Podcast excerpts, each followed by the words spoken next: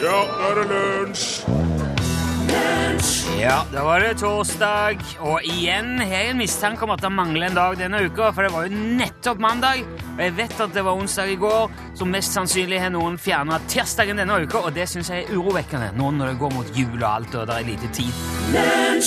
Glir forbi, der hørte du Ketil Stokkan. Det er jo eh, sånn han egentlig er, Ja, den sangen der. virkelig. Du hørte han i lunsj, NRK P1, velkommen hit, der hørte du Torfinn Borkhus også. Jepp. Der sitter Rune Nilsson. Hei. Hei. Litt, litt skuffa, for jeg var ikke klar over at dette var en Ketil Stokkan-låt. Jeg trodde det var en Johnny Onkel P-låt. Ja. Men samtidig så er jo det lov. De har jo gitt han nytt liv. Det er jo eh, Ja, altså, eller lenger er på, på en måte tatt han i en annen retning. Det er ikke sikkert du spilte den her i P1 fyrer Jonny og Onkel P jorden kjent på nytt. Nei, men for en låt! Ja, ja, enig. Det syns jeg. Ja. Da er det lunsj. Ja, nå er vi over elleve. Det er torsdag, som sagt. Det er merkelig hvordan ja, Det går veldig fort nå. Men Ja. uansett, det jeg hadde tenkt jeg skulle si noe, at vi nådde en slags milepæl hjemme hos oss i går. OK. Det er, Vet du hva en milepæl er? Uh, ja er, det står en, For hver mil så står det en påle som er bankende i bakken av forfedrene våre. Ja, ja, Nei, det er jo romerne, da. Det er et sånt gammelt veimerke som romerne satte opp for å markere distansen på Som er 1000 pass. Altså, det er halvannen kilometer. Det er 1482 meter, helt nøyaktig. Åh. Så det er ei romersk mil. Romersk mil, ja. Ja. ja. Og det, det satte opp steiner, da. En milestone. Men det var ikke det. Men nå den milepæl. Man sier jo det. Det var da jeg skulle hjelpe min sønn med mattelekser i går. Da han skulle finne ut av noen tallrekker. ja. Han går i sjette klasse. Altså, hvis det, for eksempel, Torfinn, hvis det står 0,020, 0,025, 0,030, da blir neste tall 0,035. ja, ikke sant? Ja. Det gikk veldig greit, dette her, lenge. Og så kom det til den siste tallrekka. Ja. Hva blir det neste tallet? 0,001, 0,003, 0,007 og 0,013. Der var det stopp. Der var det stopp. Du kan gjerne tenke Ikke si noe ennå, Torfinn. Ja. Jeg grubla og tenkte og plussa og ganga og delte. Jeg gjorde alt. Det syns jeg kan gjøre. Og kom på å gjøre med tall. 0,001, 0,003, 0,007 og 0,0013. Nei, 0,013. 0,013. Ja. Vi kan ikke ha med Du må holde antallet bak desimal der. Dette her òg. Eh, jeg fikk det ikke til. Jeg, jeg, altså, vi kom til sjette klasse. Der måtte pappa kaste inn håndkleet. Da var det slutt. Så jeg sier nei, sorry, Tobias, jeg har ikke peiling. Jeg vet ikke. Og det er for så vidt greit. Altså, Jeg er veldig klar over mine matematiske begrensninger, for jeg har alltid slitt veldig med, med akkurat det der, å forstå tall. Men jeg var flink til andre ting på skolen, og så har jeg fått, har fått jobbe med ting som ikke krever så veldig omfattende tallforståelse, og det passer meg i grunnen veldig, veldig bra. Og, og så har jeg tenkt at eh, alle kan ikke gå rundt og være flinke til alt. Det er greit, det. Man kan, man kan skal bare konsentrere seg om det man er flink til, og så kan de andre ta seg av noen andre ting. Man må dele litt på det. Men samtidig så er det jo veldig irriterende å ikke klare å finne ut av sjetteklassingens hjemmelekser. For jeg fant ikke ut av det. Så jeg, du på, skal du gå på skolen da og si nei, jeg, jeg, jeg skjønte, pappa skjønte ikke dette. Så det jeg gjorde Jeg spurte Facebook. Jeg la ut Ja. en tale og sa ok, der var det stopp. Pappa kunne ikke mer nå. Ja. Vet du? 0,01, 003, 007, 013. Et par minutter tok det. Ja. Så var det masse gode venner som trådte til og forklarte. Har du klart å finne det ut? Nei. Det du må gjøre, du må legge til et nytt tall for hver sum.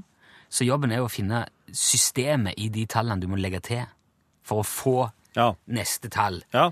Så jeg kan si det det at eh, 0,01 pluss eh, eh, 2 blir 0,03. Ja, det skjønner jeg. Ja. 0,003 pluss 4 blir 0,007. Eh, 7 pluss 6 blir 13. Så du, ganger, du legger til to gangen. Først legger du til 2, og så 4, og så 6, og så 8. Så neste tall blir da 0,021. Og 13 pluss 8, ja. Ja. 2, 4, 6, 8 opp. Aha! Du skal legge til jeg, to ganger. Jeg trodde jeg, jeg trodde jeg hadde skjønt det, for jeg trodde nemlig at det var at du skulle gange tallet med seg sjøl og legge på n. Ja, det, det, er- det, er det er det vet, Jeg vet bare at det er sånn. Jeg kan ikke gå lenger inn i diskusjonen om dette her nå. Nei, mener gange tallet med to og legge på én, men da hadde det ikke gått med 13. Det var det som var så, nei, for det hadde ikke blitt 15. Hvis det hadde vært 0,015, så hadde det vært det. Nei, Du skal bare gå to ganger opp, og så legge til det for hver. Legge til neste i to gangen for hvert tall oppover. Den, had, den har jeg faktisk ikke hørt før. Den at du må operere med et annet tallsystem Et nytt- eh, på sida for, for å finne det systemet her. Helt Ja, fjernt. Helt fjernt. Ikke sjans. Men det var jo et veldig fint gjennombrudd for Tobias og meg. Ja. Det innebærer at han slapp å gå på skolen og si til læreren at pappa skjønte ikke dette. Jeg har ikke gjort den siste oppgaven der. Det var litt Nei, men er jeg står for det. Ja, helt i orden. På mange vis er det helt i orden, men eh, sjette klasse Ok, det var det. Ja. Men så kan jeg jo egentlig ikke si heller at det var jeg som hjalp han med lekser. Det var Jon, og det var Ask, og det var Lars, og Eivor, og Robert, og Margaret, og Randi, og Serine, og Trond, og Markus. Det var de som gjennom... du måtte gjennom jo ha åtte stykker for å finne Nei, ut men folk hiver seg jo på, vet du. Og de bidro. Noen sa det er et primtall. Nei, da ja, hadde ikke elleve Alle andre etter den første som har rett, skriver jo bare om at det er den første som hadde Jo, men skrev. på Facebook så gjemmer svarene seg med en gang du ser vinduet. Du må jo vise alle kommentarene før du begynner å kommentere Ja, men det er jo ikke alle som gjør det. Det må folk begynne å gjøre. Ja, det må de gjøre. Men det var i hvert fall mange som bidro, da. Det var det som var poenget mitt. Og gjennom artige og informative kommentarer på Facebook så lærte de da dette til far og sønn. Vi fikk det forklart begge to. Men det jeg føler at jeg lærte min sønn i går, da, det er jo verdien av research. Ja, det er sant! Ikke sant? Og så lærte jeg han jo at så lenge du har Facebook, så trenger du ikke kunne regne.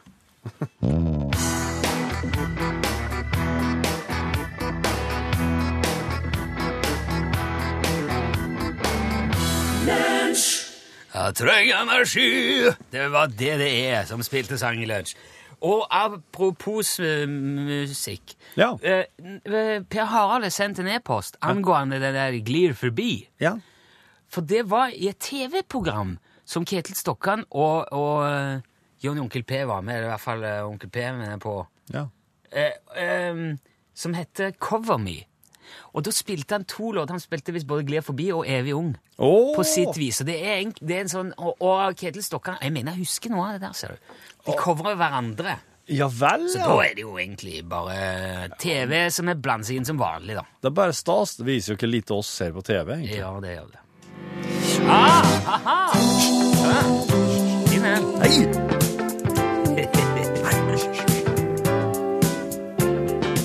Jeg skal være stille nå. Men jeg har snudd litt på resten.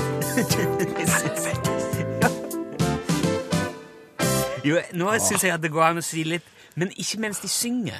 Å, er det der nå? Ja, Å, det er slik, ja.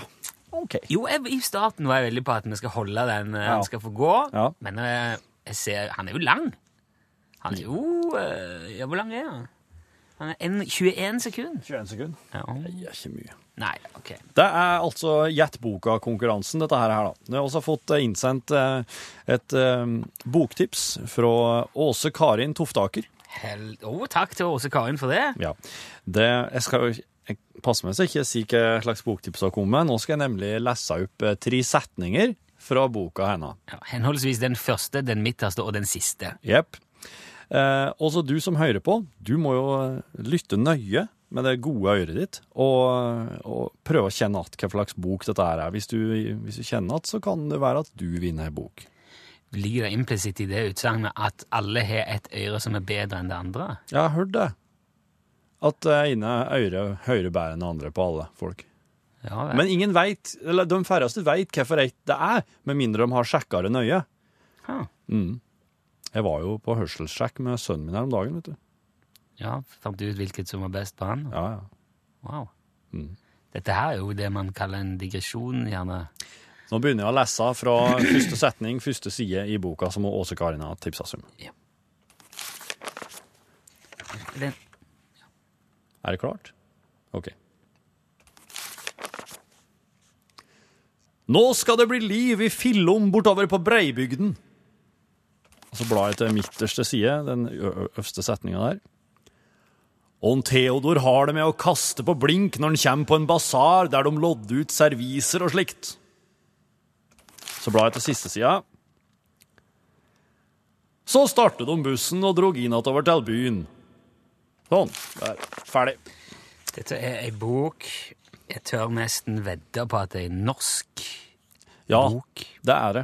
Den er skrevet på dialekt. Ja, ikke bare oversatt, men eh, Og det håper, jeg, det håper jeg Det er jo et ganske kraftig hint i den dialekten her, spør du meg. Jeg håper at det kom ålreit fram. Det her er ikke mye Det er ikke mye sterke side?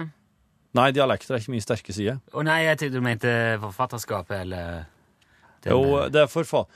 For, nå, skal jeg, nå skal jeg trø forsiktig på, eh, på, på salaten her, men eh, dette her er jo Forfatteren er godt kjent for Ja. sitt forfatterskap, Det tenkte jeg. men kanskje ikke nødvendigvis for um, Akkurat dette verket. Og skal han, og skal han la det der Ja, skal han ligge der. skal ikke for mange. Vet du hvilken bok det er? Vil du være med og gjette? Så kan du, du, du kan vinne bøker Ja. av dette. Ja. Eh, Da må du sende inn svaret ditt, eller hva du tror det er. Enten med tekstmelding, da skriver du en L for lunsj eh, først, og så et mellomrom, og svaret og navn og adresse må du ta med, så vi får sendt en premie. Så kan du også bruke e-post. Det er eh, bokstaven L for lunsj, krøllalfa, nrk.no. Yep. Ok, mens du tenker og grubler, så spiller vi John Newman. Love Me Again, John Newman. Nå har Skaudun i skogen bedt oss ikke snakke på introen av sangene, for han tar de opp på kassett. Så vi skal, jeg skal prøve å tenke på det, Skaudun. Absolutt. Husker jo sjøl fra ti skudd i gamle dager hvor irriterende det var når Ja. eh, Vidar Lønn Arnesen kom inn og, og de klapte, og det kom sånn lyder, og så måtte det være ganske på. Ja, ja, så Du du ikke fikk med der på kassetten, ja. Ja, ja. ja. Du, jeg hadde i det lengste nå begynt å tro at Ansgar Valdemarsen hadde sagt opp den stillingen han på mystisk vis har erverva seg i lunsj. For nå har det vært så stille så lenge. Ja. Tenkte jeg, det var jo greit. Men nå kom det noe nytt da i eh, dag eller i går kveld. Det er jo et nytt kåseri da om eh, livet på Sørlandet i gamle dager. og vi må, det ble jo betalt for, så vi må jo bare sende det. ja, ja. Den som er dårlig til beins, må ha penger til drosje hvis han skal komme først til mølla. Det brukte alltid min eh, fjellonkel Skorstein å si. Onkel Skorstein kjørte nemlig drosje på ei tid hvor nesten ingen hadde penger til å ta drosje. Dessuten var Skorstein så redd for uh, drosjebilen sin at han nekta å kjøre på de dårlige veiene utenfor Kristiansand sentrum, og det begrensa jo markedet betydelig. Men Skorstein mente at de pengene han ville tjent på å buksere den blankpolerte amerikanske bilen sin langt ut i Vågsbygda og Møvik, uansett ville gått med til reparasjoner. Så Skorstein kjørte heller i ring rundt kvadraturen med tom bil. Men han skjønte jo etter noen år at det kunne han ikke øh, fortsette med. Det var jo kostbart med drosjebil allerede den gangen.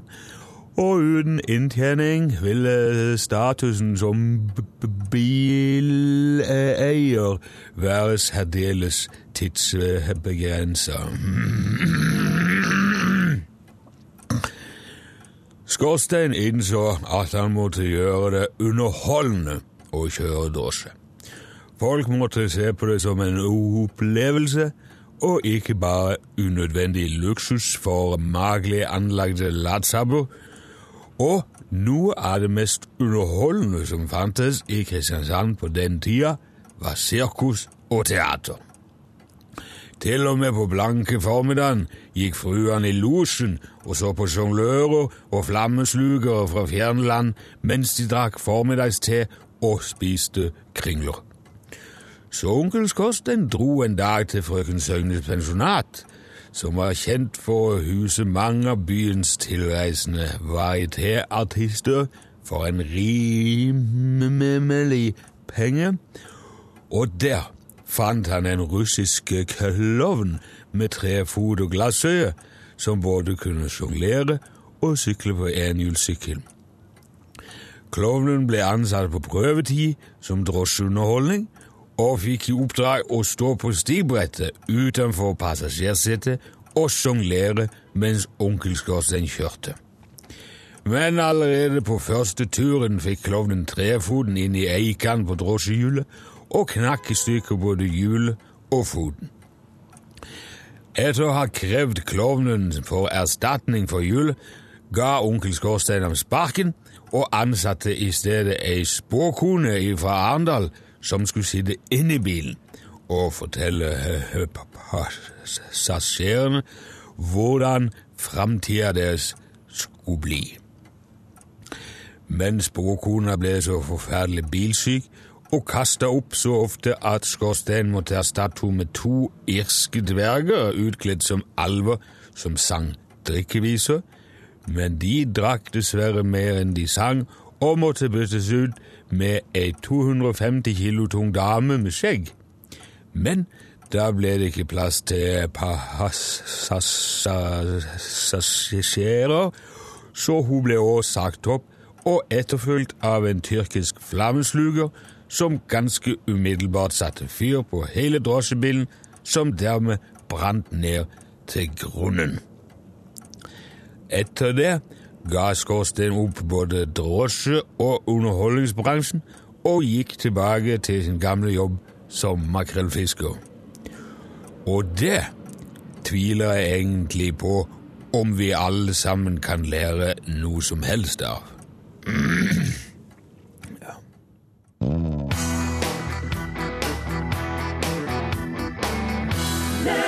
Ah, du hørte Willy Nelson. Kanskje historiens fremste eksempel på at det er mer enn nok å synge med den stemmen du har, Ja. eh, med City of New Orleans. Det var så artig det du sa mens musikken gikk, um, at det høres ut som at han står for seg sjøl i et stort rom med mye klang, Ja. og så har han bare på en måte dykta bandet borti en krok. Ja, Det var det første jeg tenkte når jeg, når jeg begynte å synge. Ja. Så sa, hei, ja, jeg skal ha masse klang, og bandet skal være der borte. Ja. Og så skal jeg ha mikrofonen her. Og så, så får vi se. Ja. For det er veldig han, det høres ut som han står alene i Nidarosdomen, og så Ja. sitter bandet på utsida. Yes. Det, Det funker. Men han, Willie Nelson, eh, skal jeg fortelle deg en ting. Han, han, er jo, han er jo et slags sånn Litt som den der amerikanske ørna, er han ikke? Et sånn symbol. Ja. Symbol på Ja. USA. ja, på mange måter er han jo det. Altså, I hvert fall en del av USA, kan en si. Men han bor faktisk ikke lenger i USA. Eller jo, sånn rent eh, formelt sett så kan en jo si det, men han bor ikke på fastlands-USA lenger. Nei vel? Han har flytt i lag med blant annet eh, skuespiller eh, Owen Wilson, eh, Woody Harrelson og flere andre eh, på, ut på Hawaii. Å ja. Ja, det er jo USA. Det er USA. Det er jo den på et vis. Et eller annet 51. staten. Ja. Staten. Ja. Obama kom jo derfra, så Ja. Ja, så klart. Det er jo absolutt det er virkelig USA, det. Ja. Men det er jo Hawaii òg. Ja, ja, det er det. Så, og der Hawaii. Hawaii. Så der på Hawaii, der eh, har de ordna seg en sånn eh, eh, en liten farm. Eh, denne gjengen her. Farm. Ja. Hey. Og den er, som de kaller det, off the grid. Det betyr at den er ikke kobla på strømnettet. Ok.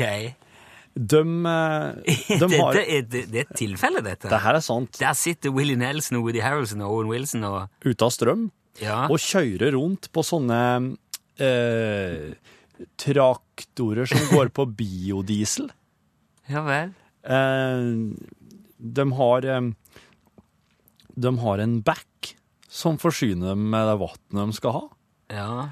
Og, og de eh, surfer veldig mye. For dette her, er- det her er jo ei, det er en ganske stor strand. Ja. De har ganske mye strandline her. Ja. Og så her, her driver de blant annet og jobber, jobber ut og forsker på nye måter å, å kvitte seg med, med kloakk på. Altså, så det avfallet De er veldig opptatt av hva de forbruker, og hva de kvitter seg med. ja. Så der, eh, der sitter altså den gjengen og Jeg må jo innrømme, når du sa det, Mm. at han eh, har flytta eller slått seg Og så hører jeg hvem disse hvem som har slått seg i hop. Ja. Tenker at Dette her kan jo fort ha noe å gjøre med Willie Nelsons forkjærlighet for marihuana å gjøre. Ja, ja Woody. Harrelson er jo en kjent marihuana-forkjemper. Chris Kristoffersson og Weird Al Jankovic og bor der. Ok. Ja, for det, det, det jo, går det jo veldig mange historier om, Ja. at uh, Willie Nelson han er altså en marihuana-skorstein. Ja. Han, er, han er et øh, røykeri, Ja. hele mannen. nå. Og så har han jo fått en del tyn for det opp igjennom, Ja. men han nekter å la seg uh, å gjøre noe annet enn å holde på med det, da. Ja, nei, nå har han Så kvitta seg med internett, og kvitta seg med veier, og kvitta seg med strøm, og kvitta seg med radio og alt som er. Ja, ja. Så nå eh, Så lenge han fortsetter å synge, så syns jeg det er helt ok. Jeg. Ikke sant? Det er det som er poenget her. Han må gjøre som han vil. Ja.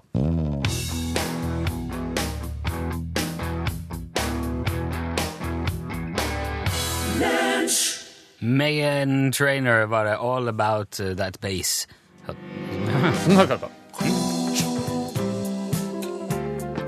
Så her er det greit å slå av en Jeg, jeg, liten vil ikke okay. bestemme helt ennå, men, men ikke, ikke nå. Det er tøft, den der. Du, du. Ja, jeg er enig. For her syns jeg er fin stemme. Ikke Jeg syns at Å man kan ta siste delen. Jo, men det er litt sånn uh, god stil, radiofaglig god stil. Starten bør stå. Jepp. Og så god bok, og så kan du kanskje si ja, det er det. Ja. Så kommer jo god bok en gang til. Kanskje si noen få ord, eh, men ut igjen før ba, ba, da, ba, ba. Nettopp. nettopp. Boka som jeg las ifra i dag, var Alf Prøysen sin eneste, sin eneste roman, 'Trost i taklampa'. Jeg tenkte det, dette her må være Prøysen. Det kan være Aukrust. Noen som har tippa Aukrust òg. Eh, for eksempel at det kan ha vært Simen, Bonde og broren min, var ikke den som Ja, skrev det? Simen Bonde min. Ja. Ja, ja. Det er flere som har tippa. Jepp. Ja, nei, men det, det, var, det var altså Alf Prøysen og Tross i taklampa, og øh, vinneren er Det er jo en quiz-lyd, dette. Øystein Grøvlen ifra Trondheim. Gratulerer, Øystein. Gratulerer. Du får ei bok ifra bokelsker Are Sende Osen si eh, personlige bokhylle. Som han har lest og bladd i med disse feitete cheesedoodles-fingrene sine. eh, og det er opp til det å vurdere hva du skal gjøre med den. Ja. Og eh, Åse Karin Toftaker som sendte oss tips om Prøysens Tross i taklampa, får òg ei bok.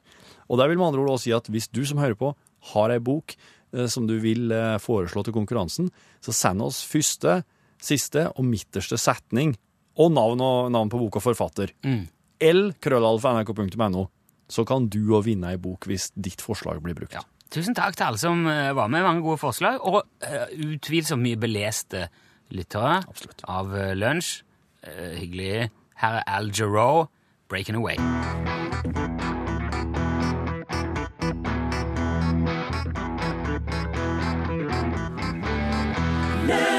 Breaking away, sang Al Jarreau eh, for i lunsj. Yes. I går var jeg på tur med gamleonkel Stig og Klabben. Og kjære vene, Stig Ørving og bikkja. Yes. Klabben. Ja. Hva er det slags hund? Mm, Det er en elghund, en eh, gamle, egentlig en sånn gamle minehund. Men han har fått nytt, ny, ny heim, sånn Stig. så fint. Her er, her, jeg gjorde opptak som vanlig. Vel bekomme. Oh, er det godt å ha med seg hund på tur? Ja, det er noe annet, ja. Ja, det er det. Jeg kan ikke sammenligne det med noe som helst. Nei. Nei, han klabben er god å ha, ja. Han skal ut og lufte seg. Ja. Sånn der. Sånn der, klabben. Ja, sånn der. Ja, ja. Hvem er du for en? Hvem er du for en? Hvem er du for en? Spør du hvem han er? Ja, hvem er du for en? Hva er krabben her for en? Ja, nei, det er ikke det. Nei, nei, det er ikke det. Nei, nei. Det er litt snodig, er ikke jeg? Hvem er du? Hvem er du for en? Hvem er du for en? Hæ? Ja, ja, det er du det. Ja, det er du det. Ja, det er du. Ja, det er du det. Hvem er det som er krabben? Hvem er det som er krabben? Ja, det er du. Ja, nå er det så bra. Ja, du har så så fin den Du kan gjøre hundene fryktelig forvirra. Hvem er den likeste hunden, da? Ja, hvem er den som er flinkeste hund? Hvem er den flinkeste hunden, da? Hvem er den som er flinkeste hund? Hvem, er hvem det? Nei. Nei. Det er ikke han. Nei, det er ikke han. Hvem er det som er det? Hvem er det som er flinkest en hund? Hvem er det som er flinkeste hunden, Krabben? Hvem er den flinkeste hunden? Hvem er den flinkeste hunden, Krabben? Ja, ja, det er du, det. Ja, det er du, det. Dette her er bare forvirrende, Hvem er det som er så flink? Ja, hvem er det som er så glad i mat? Hvem er det som er så glad i mat? Hvem er det som er så glad i mat? Hvem er det som er så glad i mat, klubben? Hvem er det som er så glad i mat? Ja. Ja. Nei, nei, nei. Nei, ikke. Ikke. Nei. Ja, det er du. Ja, det er du, det. Det er du, det. Han, vei, han veit jo ikke hva det er. Han vet ikke mat. Veit jo ikke mat. Vet jo ikke mat. Veit jo ikke mat, Krabben. Vet jo ikke mat, Krabben. Vet jo ikke mat, Krabben. Ja, du veit jo ikke mat, du, Krabben. Ja, du veit ikke mat. Han kan da ikke si det, Hva er det likeste du? Hva er det likeste du? Stig. Hva er det likeste du veit, Krabben? Han kan ikke si hva han Jo, det liker. kan han. Jo, det kan han. Hva liker du veit? Hva liker du veit? Hva du veit? Hva er du vet? Hva du vet? Ja, hva er det likeste du vet? Ja, hva er det likeste du vet? Det er brødskive med ost. Brødskiver og ost, det klemmen! krabben. Det, det skal du få når du kommer hjem. Ja, det skal du få. Du, Stig. Hva skal jeg gjøre nå, Torfinn? Stig. Hva skal jeg gjøre nå? Hva skal jeg gjøre? Ja, hva skal jeg gjøre? Stig. Hva skal jeg gjøre, Torfinn? Stig. Hva skal jeg gjøre nå? Stig. Hva skal jeg gjøre nå? Og skal, og skal hjem. Ja, og hva skal jeg gjøre der? Hva skal jeg gjøre der, Og skal skal spise brødskive med rødost. Ja, nei, og det var fint. Så da. Du skal ikke klø med. Du er så feit på fingrene. Du har klødd klabben så lenge. Jo.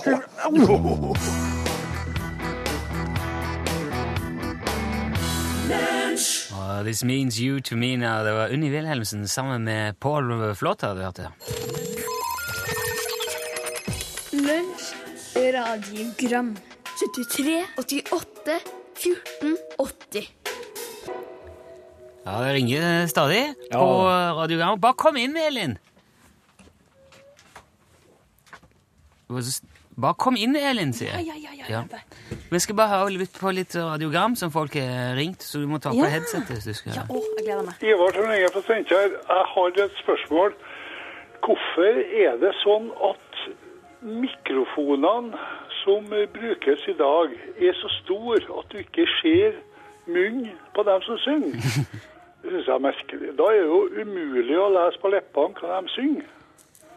Så det der skulle jeg bare ordna opp i. Takk for meg.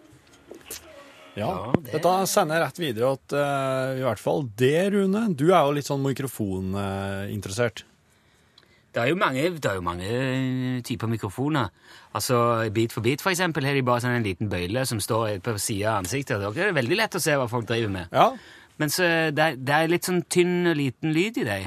ja, det er derfor. For at, ja, da en kan jo ha sagt at da Ja, men- kunne jo alle drive med det. da. Ja. Jo større mikrofon, jo bedre lyd. Nei, ikke nødvendigvis det heller, men eh, Så er det jo òg noe med at eh, hvis du synger De som er ordentlig flinke å synge, sånn, bruker gjerne litt mikrofonteknikk. så Ja. de, de, Når de synger veldig høyt, så drar de mikrofonen bort fra ansiktet, og så er de den veldig nærme når de skal synge lavt. Ja, ok. Og kanskje du, de tar litt bredere Nei, det er ikke, det er ikke godt å si, altså. Nei. Men det, det der uh, Shure-mikrofonene har sett ganske like ut, de med sånn kuler på. Ja. De har jo sett like ut veldig lenge. Ja. Så kommer det an på hvordan du holder dem. Hvis du har den rett foran fleisen, så ser du jo ingenting. Det er sant det? Jeg, sy- jeg syns artistene må ta litt selvkritikk. De må holde den på, en, på et vis som gjør at man kan se dem. Okay. Ja. Ja, hallo Torfinn. Rune, det er Magnar som ringer. Hei, Magnar. Her er en liten historie om en prest og en ordfører og en landsmann. Den nye presten i bygda hadde jazz som sin store lidenskap, en lidenskap han delte med ordføreren. Men ettersom jazz hadde rykte på seg for syndig musikk, øvde han og ordføreren i all hemmelighet i uthuset på prestegården. Bare prestfrua visste om det. Ordføreren kom innom hver fredagskveld med sitt avtorn under armen, og sammen gikk de ut uthuset der presten hadde trommesettet sitt. En fredagskveld gikk landsmannen forbi prestegården. Han hørte forferdelige ulyder fra uthuset. Fortørnet banket han på døren til prestegården. Hva er det som skjer? utbrøt landsmannen. Og hvor er presten? Prestfrua som holdt på å skjære løk, betraktet landsmannen med rennende øyne og svarte. Det kom en mann med horn og hentet han. Hei. det kom en mann med horn og hentet presten. Jeg tror ikke, vi, vi rekker ikke mer, for nå er det din tur, Elin. ja. Tusen takk, Magnar. Var fin den. Altså, artig å høre historier. Eh, vi, vi, vi er litt sånn eh, Vi, vi har ikke lagd, vi lager ikke vår egen historie, men det, vi, det er noe vi har lurt litt på i det siste. Jaha. SV-ere og sjakk. Er det noe sammenheng her? Altså de som stemmer SV, Sosialistisk Venstreparti? Eh, SV-ere, eventuelt politikerne, fordi at Unnskyld, det var litt dårlig stemme her. Eh, Lahlum han er ekspert hos VG. Ja. Torstein Bae han er ekspert, hos oss. Bård Vegar Solhjell han har skrevet kjærlighetsbok til sjakken. Aha. Ser ikke dere at det er et eller annet her? Ja, det er, Er det bare Ja. det er, ja, jo, det kan Dette her er jo det Det er jo menn. Dette er menn. SV Å, kanskje det er noe? Kanskje det med menn og sjakk? Nei, jeg, jeg, jeg regner jo med at du skal finne ut av det. Ja, vi og skal at vi kan bare Ja. Slappe han- av, for ja. alt blir løst opp. Alt får man servert i norgesklasse. Ja, der sa han et sant ord. Nei. Kjørte du en ting? En liten laksesmørbrød? Yes. Skal du spise det i podkasten? Jeg tenkte. Det er litt Ja, han, eh, han får bare melde Du, nå skal du hjelpe meg å trekke en vinner, to vinnere i bokkonkurransen. Du må si stopp. Eh, stopp. Innerst eller ytterst? Ytterst. Da ble det Philip Pullman, The Good Man Jesus and The Scoundrel Christ. Ja. Den går altså til en av vinnerne i dag. Og så må du si stopp en gang til. Eh, stopp. Innerst eller ytterst? Eh, innerst, da. Innerst der, ja. Hva er det for noe, tror jeg? Don't read this book if you're stupid, av Tibor Fischer. Grei. Grei bok, sikkert. OK, OK. Uh, greit. Eh, det er litt det vrient å sende ut eh, Det er vrient å sende ut bøk til, til vinnerne i bokkonkurransen. For at det er jo Are Sende Osen sine bøker. Dette er, jeg har fått veldig mange av han som jeg har i hylla. Og dette her er eh, Det er en veldig artig bok, visstnok. Mens The Good Man Jesus and The Scoundrel Christ kan jo Det hende. Det høres litt tyngre ut, ja. This is the story of Jesus and his brother Christ, of how they were born, of how they lived, and of how one of them died. Men Osen kjøpte i en eksistensiell krise. det. Wow. OK. Så det her er alternativ Ja, Det er en slags alternativ historie der Jesus Kristus egentlig er Jesus og bror hans Kristus. det der, jeg vil akkurat si at jeg syns det er litt vrient å sende ut bøk i bokkonkurransen, for at jeg veit ingenting om personene som skal få bøk. Nei. Det er navnet deres og adressa deres. Ja. Så for eksempel Øystein Grøvlen i Trondheim. Han tippa riktig bok i dag. Det var 'Trost i taklampa' til Alf Prøysen. Og Øystein Grøvlen, det kan være både en gammel og en ung en. Ja. Mens hun som, eh, hun som tipsa oss om Prøysens eneste roman 'Tross i taklampa', det er Åse Karin Toftaker i Blystadlia. Hun tror jeg er voksen dame. ja. For det her, jeg tror ikke at uh, Det er ikke en bok man lærer seg om før Nei. Det ikke- det er ikke en naturlig bok å nevne hvis du ikke er litt oppi årene, tenker jeg. Nei. Men jeg tenker at han Øystein Grøvlen kan hende han er god på googling. slik, At han faktisk har klart å google, Ja. Google seg fram til at det er Prøysens står i taklampa. Og da tenker jeg at Øystein Grøvlen må få 'Don't read this book if you're stupid'. Det en Ja. humorbok. Mm. Mens hun også Karin, godt voksen, hun kan kanskje ha glede av den alternative Jesus. Hva heter forfatteren der?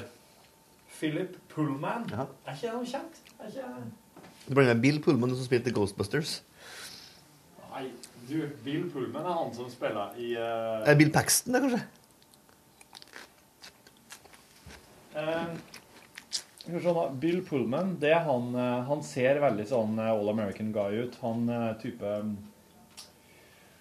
Hvem Hva er kjente rolla til Bill Pullman? For han gikk med Ghostbusters. Er det, Bill, er det Bill Paxton? Du tenker på Dan Aykroyd? Nei, det er overhodet ikke. Det er Dan Aykroyd. um, Bill Murray. Ja. Det er Bill Murray du tenker på? Nei, jeg tenker på den siste. Han som døde? Nei, det er den Nei. Belushi? Nei. Nei. en, um, Har... Nei, Jeg tenker i hvert fall ikke på Bill Pullman og Bill Paxton, for han er åpenbart ikke med her, så det er noe greit. Smell. Uh, nei, men det var en av Ghostbusterne som døde vet du, tidligere i år. Uh, Bill Pullman ser for meg kanskje spilte en rolle med sånn astronaut. Jeg ser for meg han i sånn astronautaktig uniform. du, du, han var med i Apollo uh, 13? Apollo 13, var ikke jeg? Mhm. Den som holder på Den som der alt holder på gikk til helvete, vet du. Han spilte Casper, Spaceballs. Det er Spaceballs jeg blander med, faktisk. Spaceballs. Greie gig for han. Hvem er da Bill Paxton? Ja, her er kanskje ikke kjempegod podkastmateriale, men det er Bill Paxton, det er han eh, Du vet, Independence Day Der er Bill Paxton president.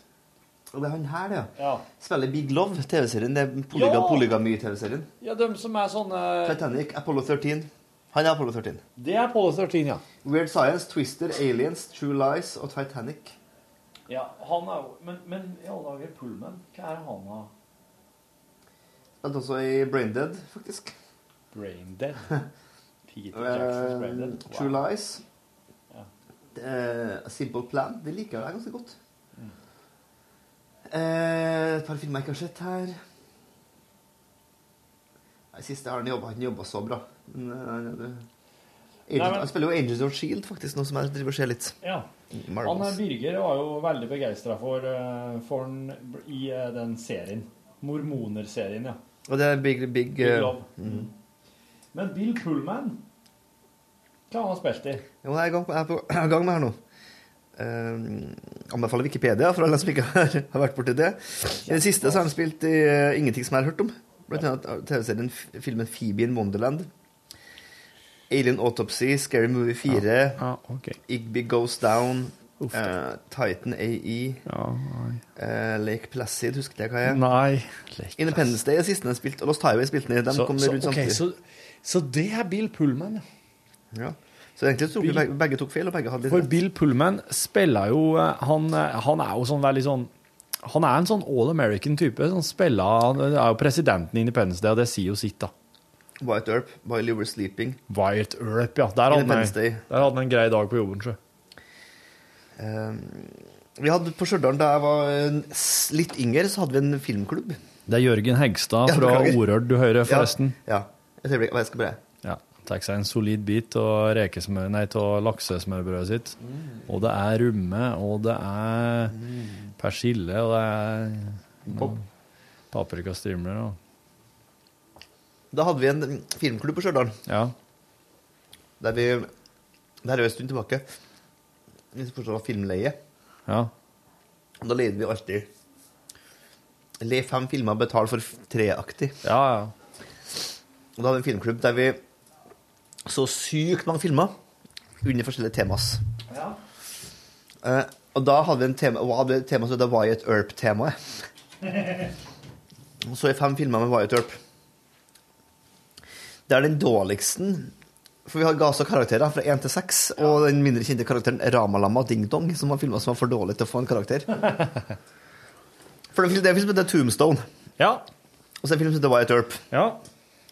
Det er også en film som heter Wyatt Earp Return to Tombstone. Ja, ok. Med en eh, skuespiller som jeg mener heter Bruce Boxleitner. som kanskje er australsk eller newzealandsk. Tror ikke jeg har gjort så voldsomme ting. Boxleitner.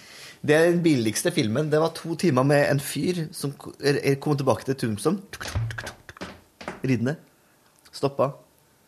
Og så bare sånn Yes, I remember the first time I was here. Og så klipper jeg meg tilbake til den gamle Wyatt Earp-filmen. Eller den gamle Tombstone. Ja, det er det. To timer med tilbakeblikk. Altså, det er ille. Eh, Det er vel, er vel egentlig ikke lov, tror jeg. Nei, det er ikke Og det var en filmen som vi Det var, det var en, eh, en sånn liten hevn som vi hadde på dem som leide ut film. Ja. Først på VHS, da var det enklere å utføre den hevnen, og så på DVD, selvfølgelig. Mm. Det var at Før vi leverte den tilbake, for da måtte vi jo spole og legge den i coveret. Og da Ja. måtte vi face nedi VHS-coveret. Bare Og hadde den. Og så i 3D-butikken. Ja. Det her var jo i veldig ung alder, da. Så bare var artig for da, Det første de gjorde var, på disken, var jo når de fikk den tilbake, åpne opp for å sjekke at filmen var nedi, at den var tilbakesport. Ja, ja, ja. Så var en gang vi leverte inn filmen, jeg tror det var American Ninja 4, eller sånt, altså en klassisk Michael Dudikoff-film. Ja, ja. Altså noe av det verste. Filmen her er for dårlig, vi hevner oss på dem som leier ut den. Ja. Åpna bare dødsdonken over Egypt, kom og, og bare, han bare, han bare! Det er fordi det koster oss. Det syns jeg er en bra hevn. Ja, det er det. Selv om det kanskje ikke var fiks video på Stjørdal sin skyld.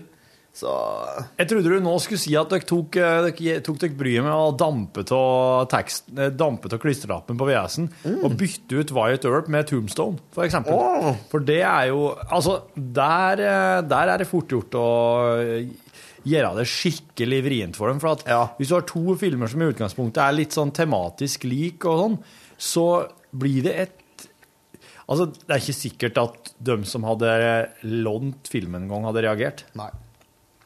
Nei.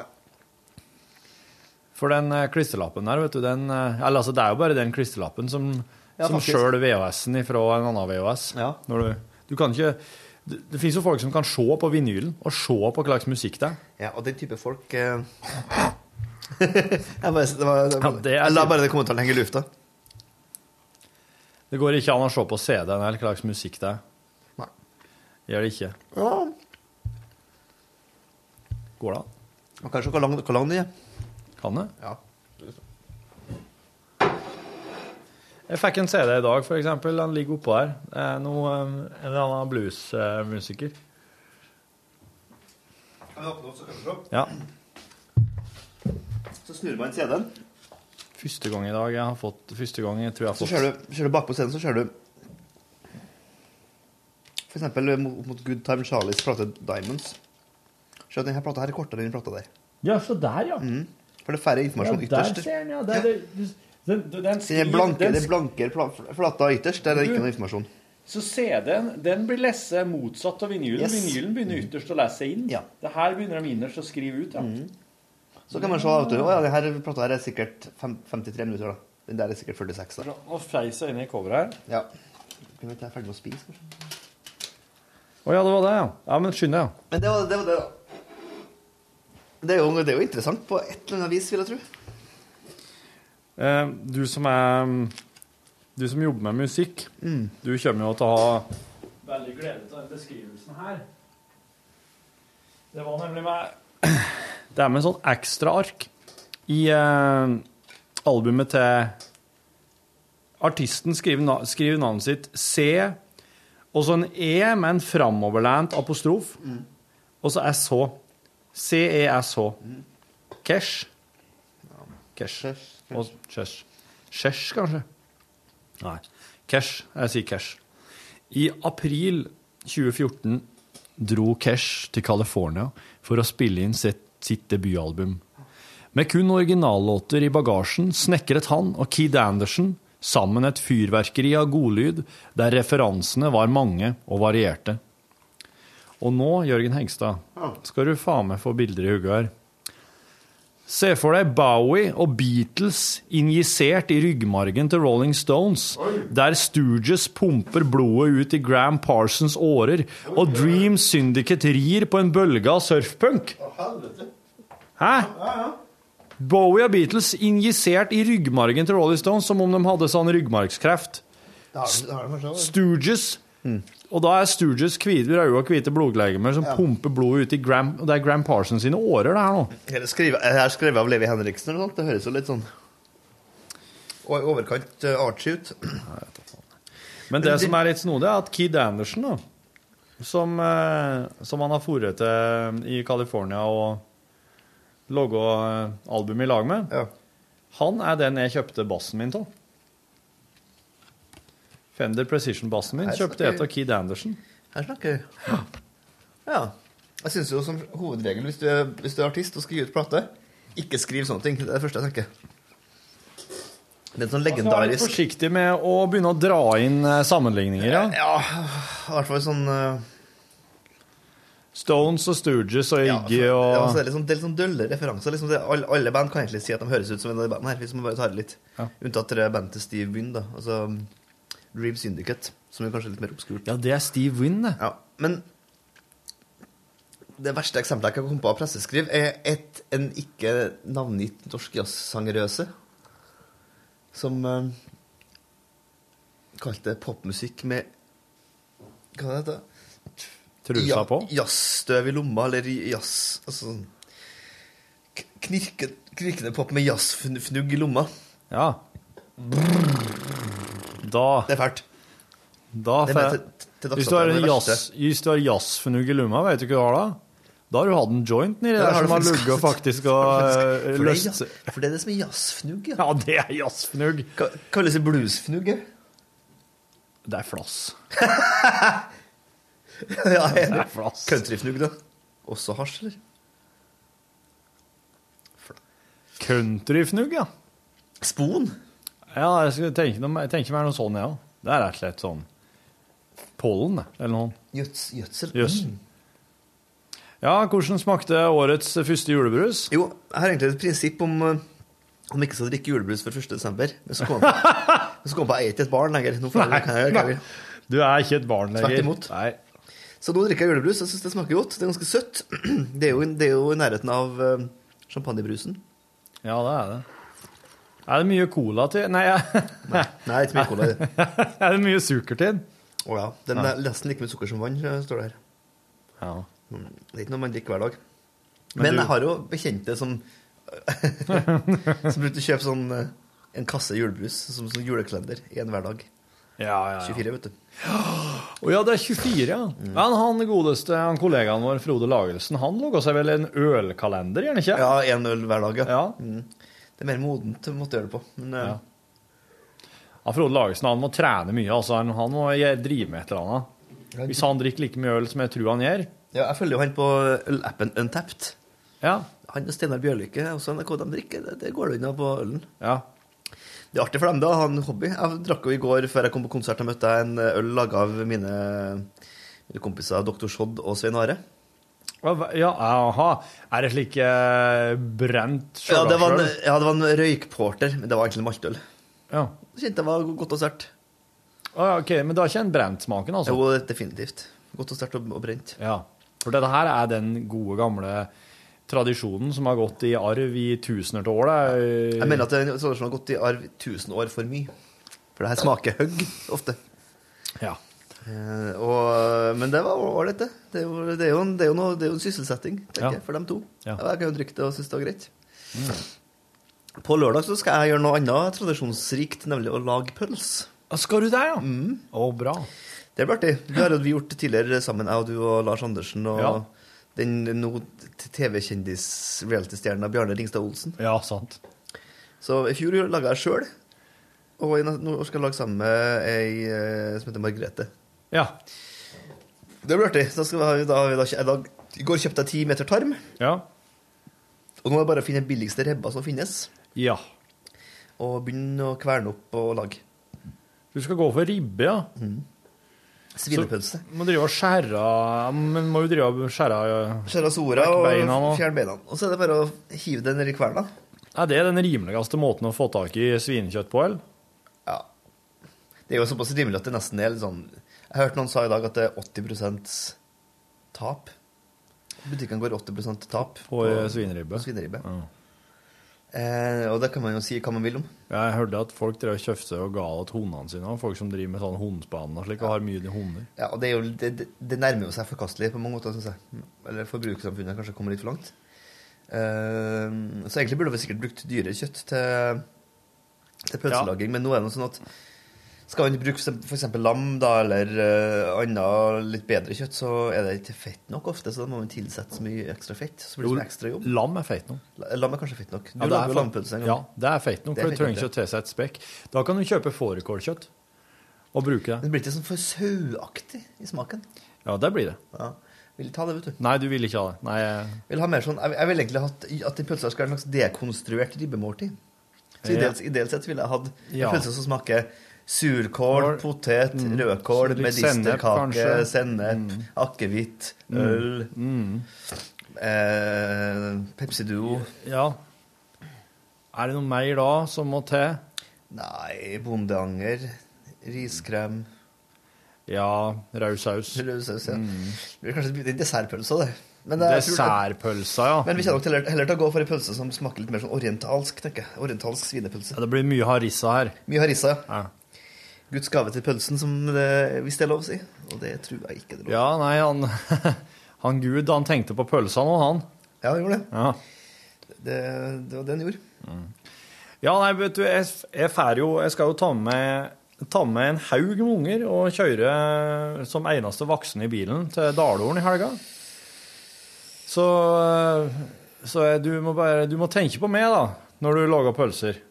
Kan jeg få noe til jul? Hva du skal, hva du skal gjøre i Dalorden? Eh. Blant annet så skal bror min og jeg sette på nytt oljefilter på bilen.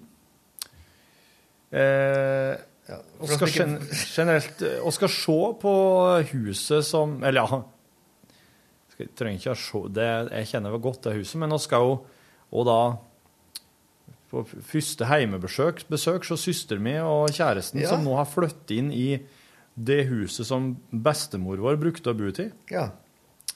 Så skal se hva slags eh, fikse grep de har gjort innvendig der, for å gjøre det til sitt. Uh, For det er jo et ganske spesielt valg. For hva gamle søstera di er hun like over 30? Like Nei, hun er like under 30. Hun, nå er jeg 33, det vil si at hun er 29. Ja. Da flytter, kjøper seg en hund på størrelse med et garderobeskap, flytter på gård. Yes. det- det, det, mange- fått, seg, fått seg fast jobb som lærer, riktig. Ja, det det er hjemme i Folldalen, så ja, det, det trekker jo Men det, hvor mange bor det der nå? 300? I Folldalen? Ja. I Folldalen, så nå, nå har det tippa Nå har det Nei, det har ikke Hvordan hva skal man kalle det når det ikke har tippa 1600, men at det har Det er utippa. Det er utippa 1600. Ja, altså 1540, da. Eller Ja, noe sånt. ja. Det hørte jeg nå nettopp. Uh... Ja, det er jo små kår. små kår. Men det er jo bra at man bosetter seg der òg. Det er hardcore. Det er hardcore, ja. Harde kår. Ja, nei, men det er jo, noe, det er jo en fin aktivitet, det òg. Jeg tror de eh, har noe, har noe plenty å henge fingrene til, for de de holder nå på med mye sånn her eh, håndball og langball og sprettball og Juleball og sikkert og sånt også. Ja, fot, jo- fotball er jo populært. det er det, ja. Ja. Skiball, hoppball. Skiball. Ja. Og, og sånn derre zumba Er det sånn beveger ræva ganske lavt? med gunn. Ja. Så, oi!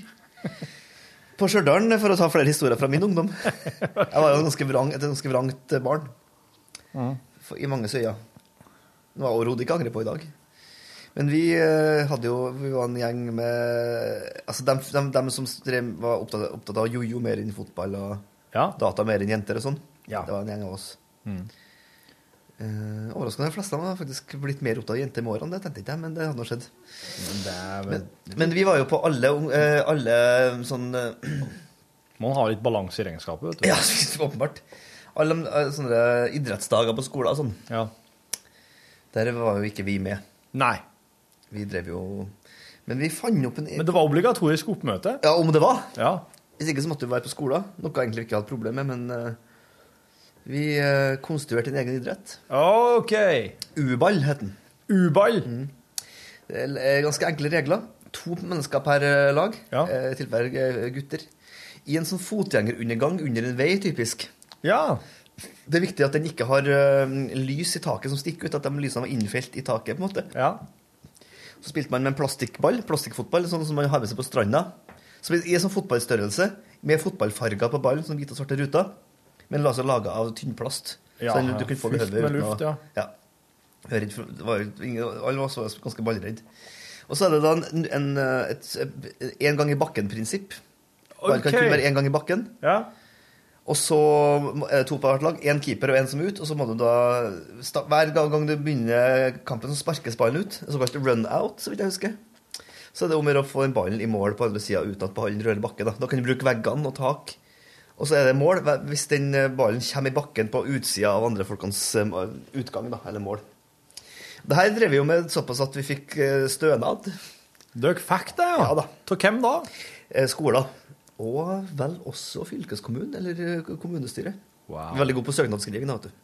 Det vil jeg tro dere var, Ja, ja. så da fikk vi egen Så vi fikk I to eller tre år kunne vi spille U-ball på skolen hver idrettsdag, for vi hadde, det var en offisiell idrett på skolen. Du vet nå, nå fikk jeg litt sånn uh, den eh, Napoleon Dynamite, er det dit du skal? Nei, jeg fikk uh, Det, det er en film, ja. Det er uh, Wes Anderson. Ja, det er Wes Anderson. Rushmore. Det er Rushmore, ja. Nå fikk jeg Rushmore-følelsen Ja, her. og det var litt Rushmore-aktig opptreden, altså. Og, og vi Men det var jo alle artig for oss, da. Problemet var det kom så mye Det var ganske bratt bakke ned til den undergangen opp igjen, så Ja, vi måtte sette oss en bukka. Ja, dette tenkte jeg på. For at en, det var jo en også- undergang som er brukt uh, Ja, undergang også, så eneste undergangen til å komme seg til, det lokale sykehuset. Så det, var- det var jo litt, Ja. litt dårlig stemning der rundt det. Det er klart, det det her er ikke et lokal... Dette her er jo ikke en... Det her er en ganske sånn stedtypisk aktivitet. Du, Mm. du, det er vanskelig å bygge en slik en, ser jeg for meg. Veldig. Jeg ser jo nå, I de undergangene som finnes nå, så er det også veldig dårlige uballvilkår, for de fleste har sånn ned, nedfelte lys i taket. Ja. Og det går ikke ut, for da treffer ballen der, og da kan jeg punktere og, Ja. og sprette tilbake. Og det vil vi ikke ha. Vi vil ha rene baner. Så klart. Rene baner. Fikk også til og med lov til å tagge de uballtunnelene, så vi tagga Jeg vet ikke, nå står det fortsatt faktisk det er en stund siden jeg har vært i den tunnelen. Da tagga vi uball.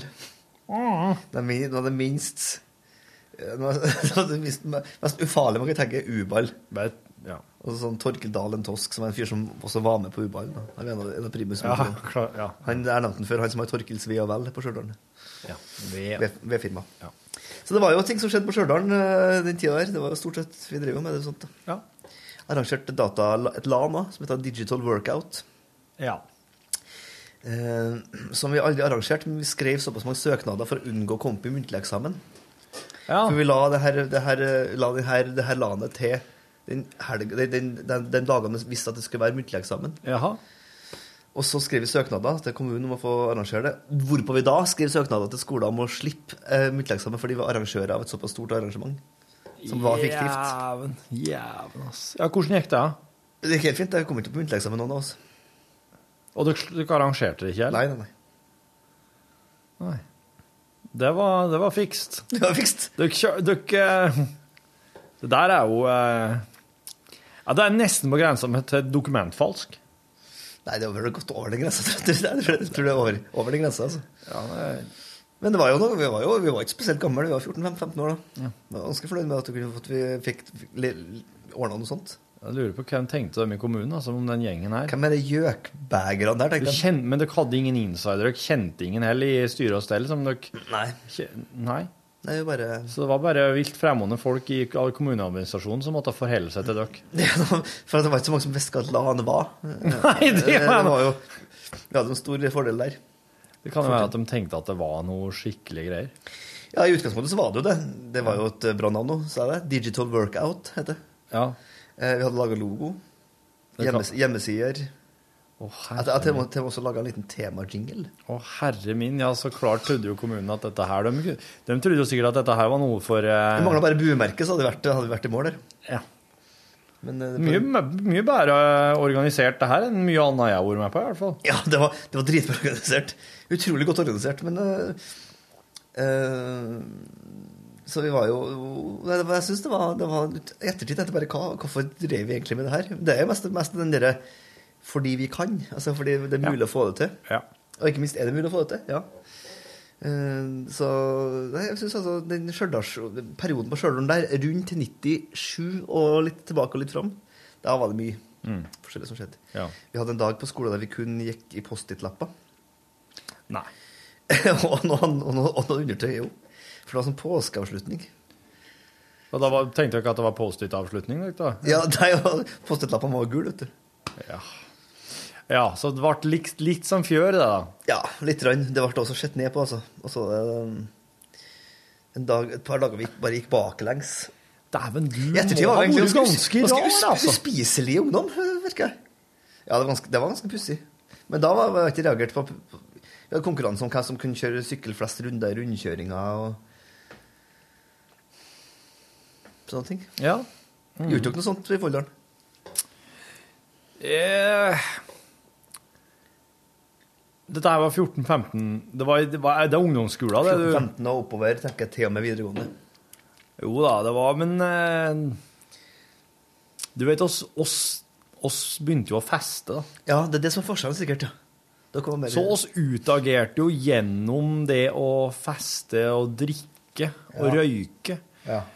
Eh, og der tenker jeg at det er jo sikkert derfor oss ikke gjorde mer slike ting, for at oss var jo det, heide, Jeg husker at det handla jo liksom om å eh, komme seg gjennom skoleviku, og så var det å komme fram til helga. Living for the weekend, ja. Ja. Living litt sånn, for the weekend, ja. Ja, ja. Det Ja. Men oss drev da med noe oss hadde jo noe sånn om å gjøre, ha, om å gjøre klare å gå lengst ut av vaskehåret og få feitest hår. Oi, den er det, det. Ja, Andreas, eh, Andreas vant. Han vant den. Han hadde òg ganske langt hår. Ja. Men han hadde, da, hadde han, da hadde han så feit hår at når han, for å kunne bevise det, så måtte han liksom kjemme det ned på sida, sideskill. Ja. Og så måtte han legge hugget, bikke hugget over på sida. Og håret datt ikke med tyngdekraften, for å si det sånn. Det bare sann, det hang Det klistra seg ned. sånn. fortsatt eh, Det sto slik han hadde kommet til. Så, så Hvor han lang tid må man gå? Et par uker? Tre uker? Nei, mer enn det. Fire uker. ja, Jeg tror han hadde en måned. Jeg Altså. hadde en god måned, ja. Ja. Men da kan ikke da kan man skylle håret der, da. Nei, jeg tror ikke det. Nei, jeg tror ikke heller. Og så var det, og så var det jo om å gjøre å gå til var jo holete dongeribukser, da. Ja. Den greia der. Så holot at eh, til og med foreldregenerasjonen begynte å reagere. Besteforeldregenerasjonen var jo allerede midt med forbanna. Ja, ja, ja. Og jeg husker at jeg var sånn Andreas eh, på overnattingsbesøk, og da, da satt vi her vet du, og hørte på Nirvana og Soundgarden og Red Hot Chili Peppers i kjellerstua og kosa oss. Og så, ja, så var det på tide å legge seg for å skue opp på skolen dagen etterpå. Og om morgenen så kunne jeg faen ikke finne buksa mi. Jeg skjønte ikke hva altså, Og så hadde vi ikke drukket, det her var jo på en vanlig dag. Og så satt vi bare oppe og hørte musikk og skulle legge oss, liksom. Jeg kunne ikke forstå hva buksa mi var. Han andre så han la jo opp to og to. Så gikk han opp da, og så bare «Eh, 'Bestemor, har du sett buksa, Storfinn?' Så er det Og så bare det viser seg at For at jeg lå på rommet hos Andreas. Ja. Han hadde ti eh, sånn sovesofa på et annet rom. Da hadde hun kommet inn der om morgenen med en CSO og tatt buksa mi. Ja. For ikke faen om barnebarnet hennes skulle gå rundt i like forferdelig holete dongeribukser. Nei. For det var jo et tegn på at du Da var du Fattigdom, liksom. fattig. Ja, ja, ja. Eh, ja, og det er jo ikke så lenge siden det var en veldig sånn Det var jo en arbeiderkommune, Folldalen, med gruvedrift og slik. Mm. Og det var jo Det, det, det satt i skikkelig, det der, altså. Det var, for, det var sosiale lag. Ja, det var det, ja. Ja. Så da måtte hun i søpla finne igjen buksa mi. Å, ja. For du hadde hevet ja. Hun hadde hivet den. Og det var hun eh, Nattens mulm, men ja. Og hun, eh, hun var jo ikke spesielt høy i hatten når hun når hun fant ut at hun hadde tid å hive buksa mi i søpla, men hun, det, var jo, det var jo like jævla holot som den buksa han andre gikk med. Men vi var kanskje litt mer sånn jeg ser for meg, Slik jeg ser det for meg nå i ettertid, så var det litt sånn Kurt Cobain Og så var litt sånn Kurt Cobain-inspirert Inspirerte ungdomsskoleelever, selv om Kurt Cobain hadde jo nettopp daua. Ja, ja, ja. Jeg ble, jeg ble jo kjent med Nirvana Jeg fikk jo høre at Kurt Cobain var død omtrent før jeg hadde blitt kjent med bandet. Han døde i 94, gjorde han ikke? Det samme skjedde vel med meg, tror jeg. Ja, det er 94 93 eller 94. Men det gjorde, det, det gjorde jo ikke noe Det var jo sånn T-skjorte og rutaskjorte som var åpen foran. Ja, ja, ja. Eh, og holete dongeribukser. Og sånn generelt bare Ja, for det, nemlig for den klikken jeg fantes på Stjørdal nå, det var dem som ikke var oss. For det, var, det, var, det, klassisk, det, det her var jo sånn klassisk Du hadde liksom sports... øh, De som var flinke i fotball. Ja. Jentene som var flinke i håndball. Ja. Uh, jentene som uh, var flinke på skolen. Og så har du raddisene som øh, hørte mm. Nirvana og leste Martin Andersen, Nexø og Hans Jæger og, og gikk litt sånn Og såpass, ja. De var litterære òg, ja. Å ja. Å, ja, ja, det var ikke oss, for å si det slik. Ja, for de her var sånn, ja, de var veldig sånn uh, eh, Hans Børli, Mm. Hans Jæger, Martin Andersen Nexø og litt sånne ting. Og sånn Og Tor Ulven og sånn òg? Ja, jeg tror ikke de var helt der, faktisk. da. Yo! Yo! Håkonsen! vi snakker om eh, Rune kom, vi snakker om, eh, om oppvekst i Folldalen Ta og Stjørdal. Da har du noe fra skien også, tenker jeg. Oppvekst, ja. Ja, så, ja, så hadde du liksom, Du hadde joksa så hadde du dem som var flinke på skolen, og så hadde du dem som var raddiser, og så hadde du oss, da, som var liksom den siste gjengen, som var de fire-fem som drev med jo- jojo. eh, gikk i flanellbuksa, konstruerte egne, egne idretter. Eh, var opptatt av Jean-Michel Jarre, den franske synth-artisten. Tidlig, tidlig krøkes. Ja, eh, pro programmert, eh, programmert egne spill i Basic på Commodore 64. Ja, der var jeg òg, vet du. Ja, om du var det, ja. Ja da. Det er Filmpolitiets Rune Håkonsen du hører. Ja da, det er Hjertelig litt, velkommen eh, hit. sånn, eh, hvis jeg skal fortelle det etterpå, så blir det spilltematikk. Men da skal du få Nei, fullføre. det var, det var egentlig det, og, og, og det her er jo noe som har forfulgt oss Ja. opp igjennom. Han bare, han bare fikk det um, han, han på en måte bare ga det et kort resymé. Han nå Ja. jeg også sitter her og Og det som er interessant, er at jeg har jo kontakt med alle av de der gamle nerdene. eh, Ja, du har det, ja. fortsatt- ja da. Ja. Og de driver jo med ting som tangerer mot eh, det her. Han ene fyren er vel eh, økonomiansvarlig i Statens vegvesen eller i noe, en gråkarbane og driver med ved, vedhugging på si. Ja. En fyr er jo ølbrygger og fiskeforsker. Det, det er en kombo jeg setter pris på. Ja. Det er en kombo jeg setter pris på. Ja. Så det er en del sånne ting. Men Og øl og fisk, er det egentlig er, Går det an å drikke øl til fisk? Å, det kan. Det kan det? Ja, ja. Ja, ja. OK. Du kan drikke øl til alt, du kan spise fisk til alt, som jeg alltid har sagt. Eh, han, eh, han fyren her, eh, som jeg prøver å skrive en novelle om Så du, du har skrevet en novelle om? Ja, en liten en. Kan vi få en høytlesing av det? Ja, for det, det var en serie jeg skrev for et sånt uh, tidsskrift som kom ut eh, Du skrev for dette der um, Det het, det het altså fanzine-greia, du? Ja, det het eh, Det het Simen Gonsholt, han Dagbladet Nodeto-journalist som ga ut det. Ja. Eh, Det ene het da, da pestoen kom til Stjørdal, som jeg lurer på om det var der Om det var der den der var. Jeg er ikke helt sikker. Der var det i hvert fall eh, For Morten Alver holdt på, som det heter, han skal uten å komme navn, han holdt på å bli kasta ut av mikrobryggeriet på et tidspunkt. Det en oppheta debatt der han sa at, at man bare kunne ta et lite sjøfly fullt av jernfilspon og seil over Sørishavet, for da fikk du jernanrika hele skiten på en gang. Og det her var såpass sterkt tema for at man sto på et bord og hytta med neven. Altså, han, han, han ble kastet ut fordi han da om jernanriking av Sørishavet, ja. Det er en grei dag for meg, hvert fall. Som kunne være Det, det høres ut som at han er en sånn fyr som uh, veit ting, men som kanskje sliter med å få folk til å skjønne sannheten. Nei, jeg tror det er god på det også, men jeg tror bare at etter hvert mikrobryggeriet og folk der Kyla nedpå noen sterke. Ja, og folk, folk var ikke generelt rundt den var ikke Ville heller snakke om liksom damer og eh, fotball, sikkert. Men hva, Men han ville snakke om jernanriking og Sørishavet, og det vil han gjøre nå. hva ville han Men Sørishavet trenger åpenbart Ja, jernanriking. det her, det her, og det her er sikkert noe som kan korrigere på, men det har med planktonbestanden. ja. Du har jo, jeg husker, Hva heter de forskjellige planktontypene? da? Dyreplankton. eh, Planteplankton? Og fureflaggelat. Hva er det som er sånn Fureflaggelat. Flott ord! Jeg tror at alle flaggelatene er minste minste type plankton. Fra det jeg husker fra ungdomsskole og videregående perioden, så var jo det Det var der det starta planktonfascinasjon, vet du. Ja. Din Nei, det de har aldri starta, men det er hans. Rune, har du noe Hva så, hva så du på ungdomsskolen? Ja, altså, jeg, kom, jeg kom jo seilende inn litt sånn seint i podkasten her, så hvilket liksom, tidsspenn er det dere har snakka om? fra, 14, fra 14 til 19 cirka. Ja, så 14 Ungdomsskolen. eh, d- d- Ja. uh, gjennom barneskolen, en tander-kid, egentlig. Uh, Ja. Overbeskytta gjennom to svært så eh, skal vi si uh, medhårsgreende skolefrøkner, som altså var til en så grad katastrofal for den klassens utvikling på barneskolen, bare for å gi litt grunnlag her, eh, at foreldrene greip inn og måtte få inn en ny lærer med litt militærdisiplin som kunne få styr på denne gjengen, for det var altså på vei til å gå rett åt. Ja, så lærerne deres var i sånn Steiner-skole Ja, men det var forbi det. Det var kosetime tre timer hver dag. Eh, Oi, Oi, sann! eh, nivå, Og, Og ikke steinerskole. Wow. Nei, men altså, altså, Jeg kosa meg veldig, men det var kanskje mutter'n og fatter'n som begynte å lure litt på hvordan skal det gå med den kiden her. Ja. Så uh, vi fikk noen på en måte stramma opp litt rann, Ja. eh, på siste året og inn i videregående Nei, unnskyld, ungdomsskolen som Jeg er da fra Skien, Ja. Telemark, Ja. Grenlands perle, Ja. kan man kalle det. Og gikk rett da inn i en av de mest belasta ungdomsskolene som uh, fantes i distriktet. Gjemse ungdomsskole.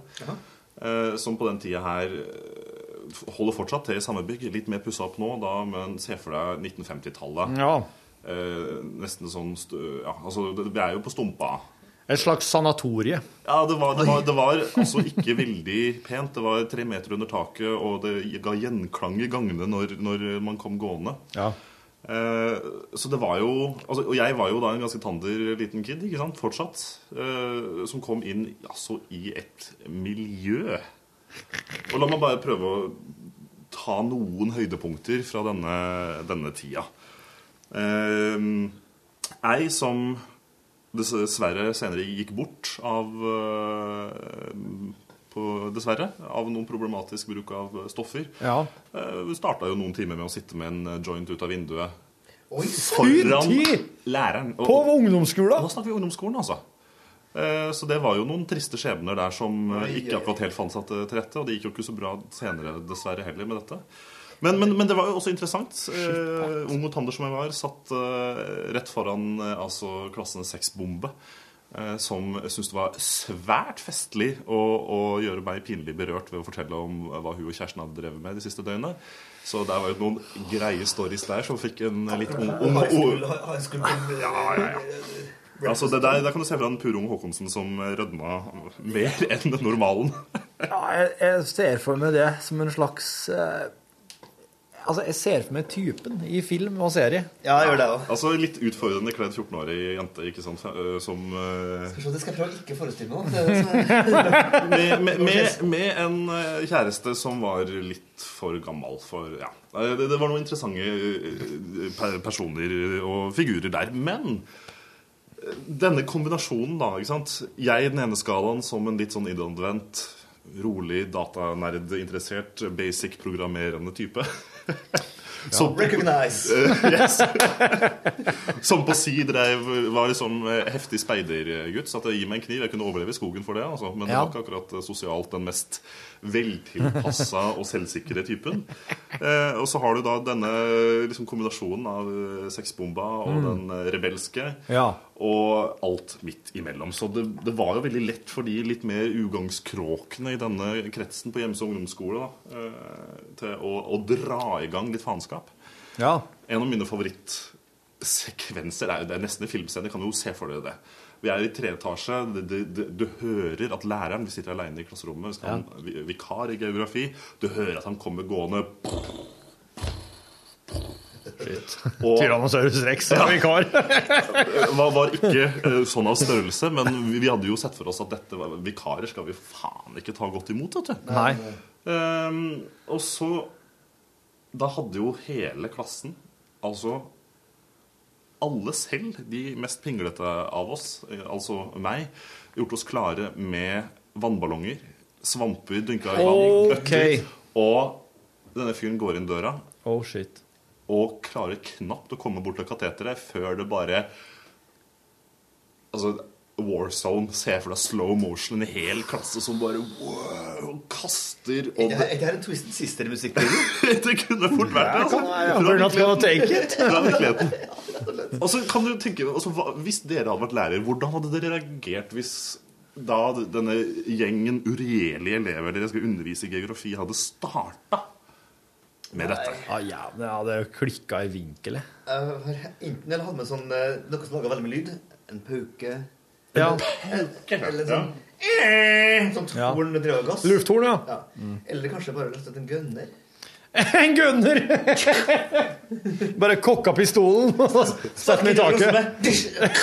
Altså, Vi snakker ikke Boys of the Hood tilstander Hagle. her, altså, men eh, Nei, altså, jeg, dansa det sin baklengs med hagle. Kokka har det. jeg vil jo si at denne læreren da, eh, Han var ung og kanskje ikke så erfaren lærer da. Nei. Eh, sånn i etterkant så endte vi jo med å like han veldig godt. Ja. Så at det var jo en ilddåp av de sjeldne. Det betyr at han begynte ikke å gråte. Nei, men han reagerte nok kanskje på den minst konstruktive måten når man skal Ja. roe ned en sånn klasse. Ja. Han, nei, han går ut og henter en tillitersbøtte. OK, OK. Og så bare gjengjelder til det bare sånn OK, nå er det slutt. Det tror jeg faktisk jeg har også kommet til å gjort. Etter det. Wow. Hvis jeg, hvis jeg bare Men ut altså, den oppvasken, både figurativt og Ja. på, på, på begge betydninger, man kan si den oppvasken som kom i etterkant av det der, Ja. Det var jo interessant. For det var jo altså eh, vannskader over hele klasserommet. Ja. Gulvet var jo ikke eksisterende etterpå, for det var jo Det ble jo bølgete, da. Eh, dette linoleumsgulvet. Ja, ja, ja. Men også da inn med rektor og oppvasksprat og foreldremøter og Gud, jeg vet hva, altså. Han fikk vel sikkert høre han læreren her òg, for at han valgte å bruke tilitersbytta som eh, svar. Ja, og det- det var nok grunnen til at eh, samtlige av oss ikke ble utvist.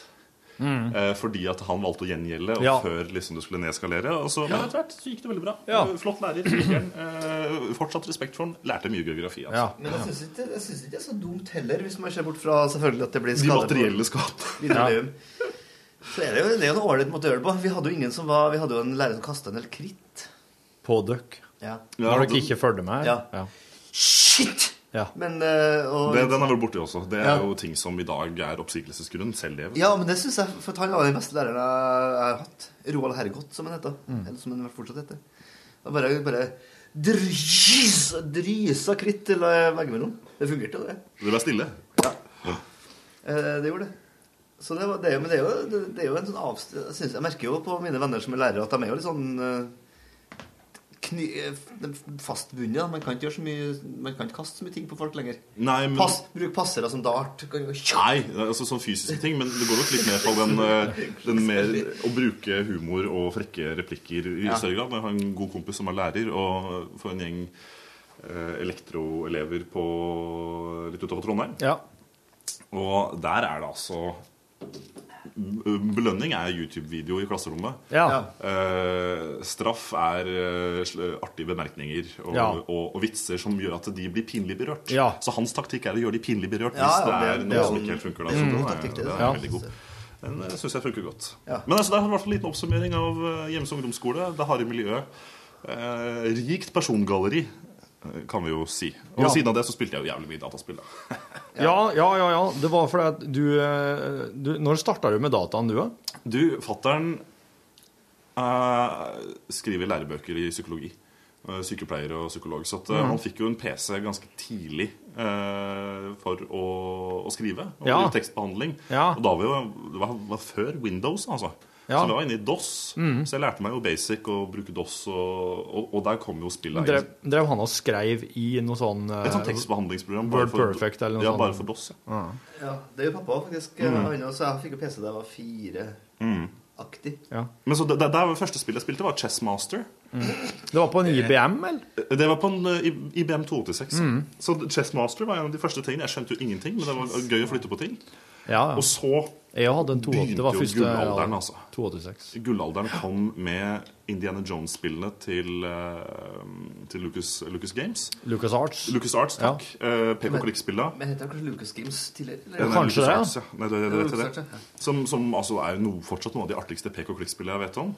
Eh, når du må spille Indiana Jones og skal infiltrere en naziborg og kaste deg rundt og ja, altså litt sånn Ja. fabelaktig PK-klikkspill fra 90-tallet, det her. Husker du Loon fra LucasArts? Ja, men det spilte jeg først når jeg ble voksen. Gjorde du det? Ja. For det var et, det første jeg spilte. Har du spilt Loon? Niks. Det er litt sånn New Age-aktig spill der du skal dra ut og finne sånn tonesekvenser. Ja, Ja. veldig, veldig flott. Loon, Altså. hva altså, vet jeg norsk? Spinn... Uh, sp- uh, vev? Vev, ja. Ja. Sånn vev, rett og slett. Men, men, men der fikk jeg også spille det som jeg til dags dato mener er det beste PK-klikkspillet jeg har vært borti. Ja. Uh, også samme gjeng som står bak, men det heter da Zack McCracken eller Alien Ja, Mindbenders. Ja, ja, ja. Som altså er noe som er verdt å spille den dag i dag. Ja, ja, ja. Og herfra så bare eskalerte det. PC-ene ble oppgradert. Jeg fikk den gamle. Begynte å lage tekstbaserte eventyrspill og kose meg rundt omkring der. Begynte å demontere PC-en for å se inni hva som egentlig er inni her. Ja, ja. Begynte å lære deg hvor som local bus og sånt. Ja, ja, ja, ja. Og Her da- Loom fra, fra 1990. Mm. Altså, så det, det var der det starta, og så Ja. eskalerte det raskt inn i litt uh, mer skal vi si, altomfattende interesse. Ja. Uh, som kanskje kulminerte da midt på ungdomsskolen et sted med det som i dag sikkert vil karakteriseres som spillavhengighet. Uh, problemspilling, da. Mm. Med litt online-spill som altså tok all tid. Hva for noe da? Da var det Dark Age of Camelot rundt Ok. årtusenskiftet. Som var, Ja. altså, det, var, det er fortsatt det artigste online-spillet jeg har spilt. Ja. Kjempegøy. Jeg var jo topp eh, ti i verden. Å, helsike! det her var det Det, det var jo det var jo sånn kompetitiv del Ja. å kunne slåss mot andre spillere i en sånn stor, åpen fantasy-verden. Ja. Jeg, jeg og gruppa mi det var topp ti i verden. Altså. Så der har du det. Du kunne jo ha vært vært sånn professional gamer, du, da, i dag. Jeg var nok 10-15 år for tidlig ute Ja. til, til å kaste meg på den bølgen. Ja, for altså. kanskje det, det fantes ikke ennå da. Du, var, du kunne være topp ti, men det var ikke noe fantes, men da var det liksom mer sånn å være verdensmester i Donkey Kong eller Ja. Pac-Man og sånn. vet du. Ja, det- Mer enn for, for, for dagens e-sport, altså Ja. den konkurransedrevne spillinga som man ser i dag i Korea og sånn. Det starta jo i 98 med Starcraft. Og Starcraft som to har jo først tatt av etter 2011-2012 her i Norge. Mm. Starcraft. Så der, der har man en eh, greie. Ja, for, jeg, for så Parallelt med her så drev jo jeg med programmering, eller altså musikklaging, på, på PC. da. Mm. Jeg var jo på The Gathering mange år på rad. Og du har vunnet noen priser der. Jeg vunnet priser, vunnet noen priser, ja. Fortell om dine The Nei, vi, hadde jo, vi Gathering-priser. hadde jo vi- Det var jo en sånn eh, Det som heter, ah, heter Demoscenen, som kanskje noen podkastlyttere som har kommet seg såpass langt, har drevet på i en ganske times tid. Ja, du ser det oppå der, ikke langt den har gått. Eh, Det var en sånn gjeng som jeg møtte og laga grafikk. Noen tegna, to, tegna 2D-grafikk, altså med Deluxe Paint eller mm mhm. lignende. Noen programmert. Og noen laga musikk da i en sånn, et sånt program som som Tracker. Så man deltok i sånne kompoer? Jeg vil, Competitions, ja. Forresten, Kan jeg kan si jeg nå at eh, nå har vi jo nå har på en måte kommet til Nå er det et nytt kapittel i den eh, bonusen her. Mm. Eh, så hvis du vil nå, så går det an å gå inn i Spotify og bare sette på ei låt. Og høre ei låt. Ja. Og så etterpå så kan du høre på videre på podkasten. Ja. Så du får litt rann, det litt eh, pause, ja. ja. Det- Det bables. Men det, for det, det, jeg hørte Heia fotballpodkasten nylig, så det er et, et tips som, eh, som jeg tenkte ja, det kan være fint hvis det er lange podkaster. Legge inn en låt. Legg inn en låt sjøl. Sette kan du ta en pause. Kan ha sånn pausemusikk eh, litt her, Ja, kanskje? ja.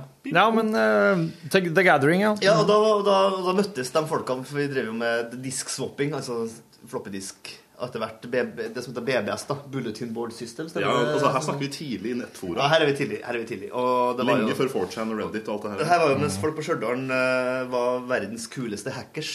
Ja.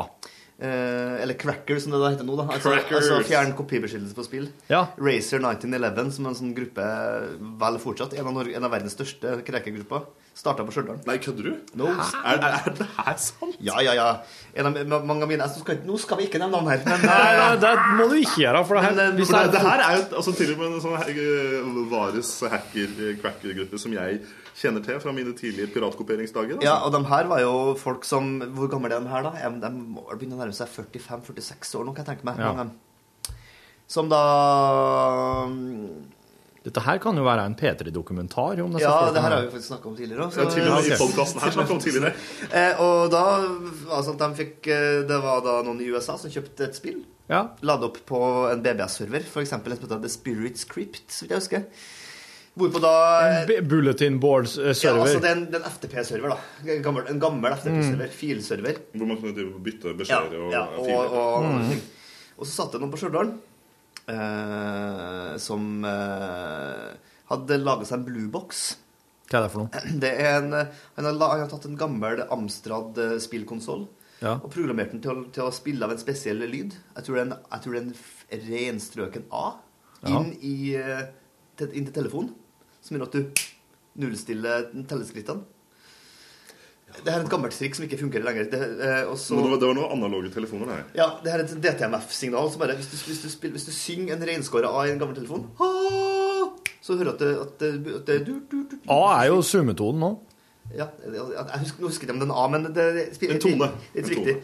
Som gjør at du nullstiller og, det- og kan ringe gratis.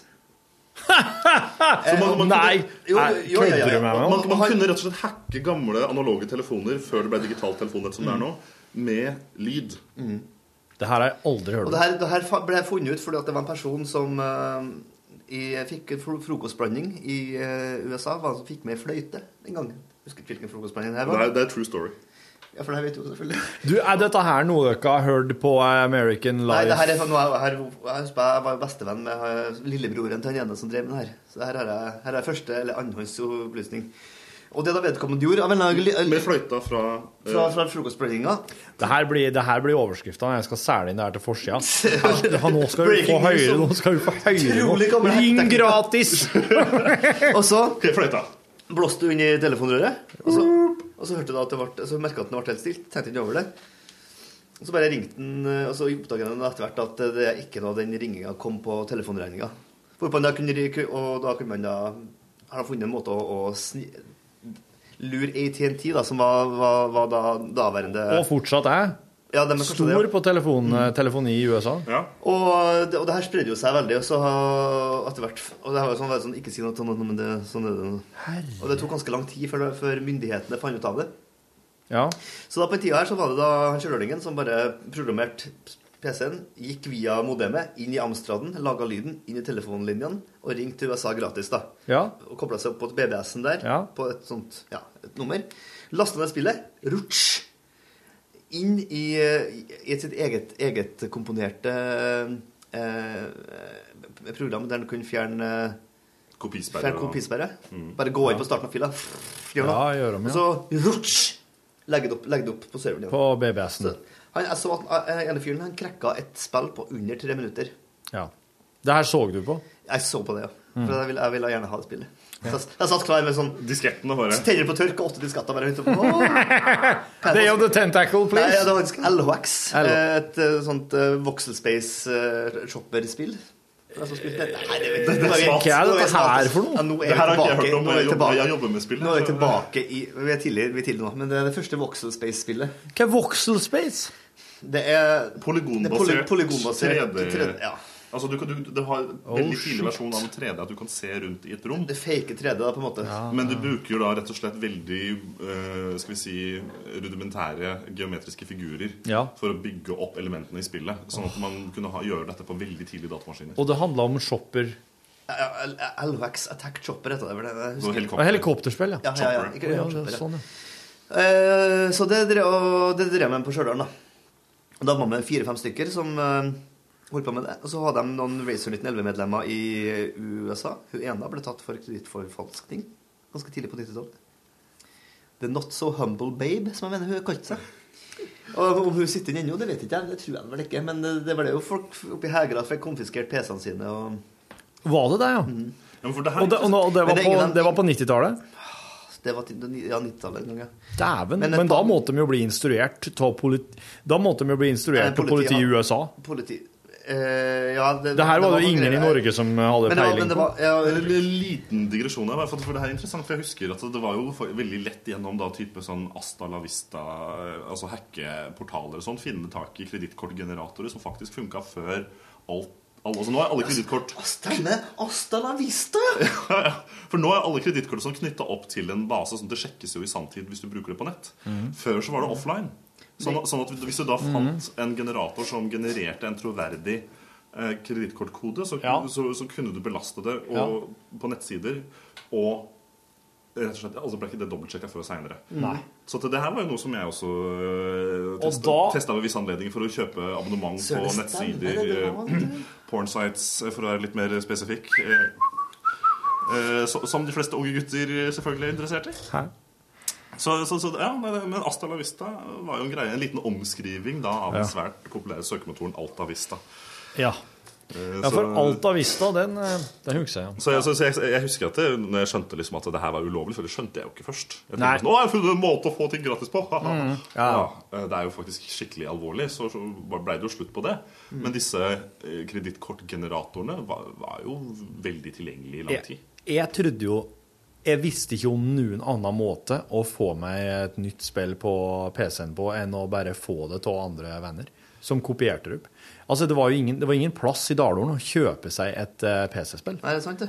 Altså, Jeg vet ikke hva nærmeste plassen er. Jeg hadde sikkert måttet til Trondheim da, for Ja. å funne en plass der jeg kunne kjøpt et på Ja. 90 til slutten av 90-tallet. Eller kom- ja, midt på 90. veldig- Det er en digresjon igjen, altså. Men da ja, er det på det med å kopiere spill. Det er jo det podkasten handler om. Det er jo digresjon. Digresjoner. For, for jeg vet ikke hvor godt dere kjenner til eh, ba, altså, bakgrunns- og skaperhistorien til Tetris.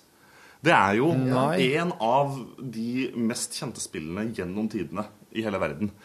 Og det er en veldig interessant historie som kobler seg til kald krig. For Ja. Den ble jo utvikla på et forskningssenter utenfor Moskva eh, på 80-tallet, mens det var fortsatt eh, Altså muren sto, sto godt i Europa. Ja, For det her er tidlig 80, da, nå, eller er det slutten Yes. på 70? Og det er da en, en fyr som i dag har eh, legendestatus i spillmiljøet, Ja. Aleksej Pajitnov, eh, hvis ikke jeg tar helt feil hva han heter, som da laga dette spillet og, Ja. og, var, og, og drev egentlig med forskning. Ja.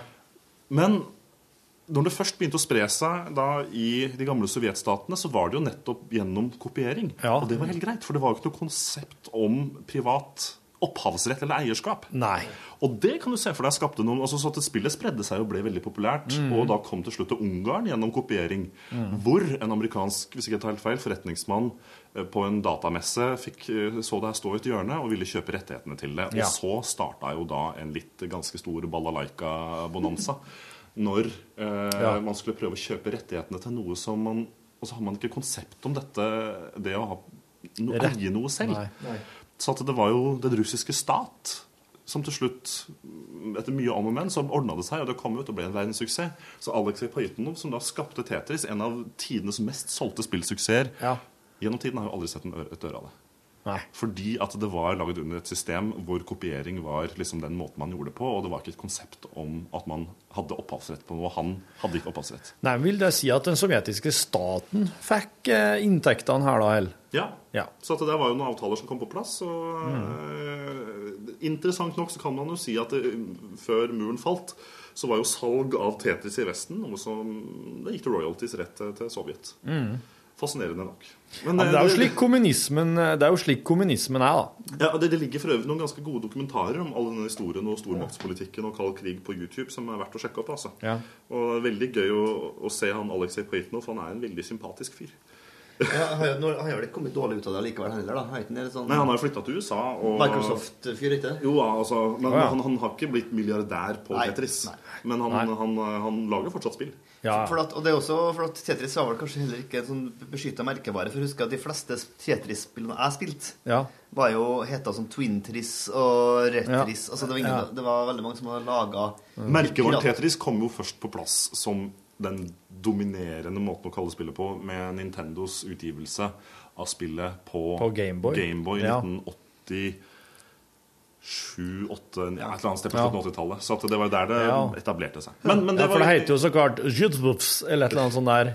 Det kalte jo han Alexei Jeg tror at det også heter Tetris. På, at at det- Tetris. Nei, det var noe annet. Men, men, men sagt, det her bare gå på YouTube, se en Ja. times dokumentar fra BBC. Kjempeartig. Herlig.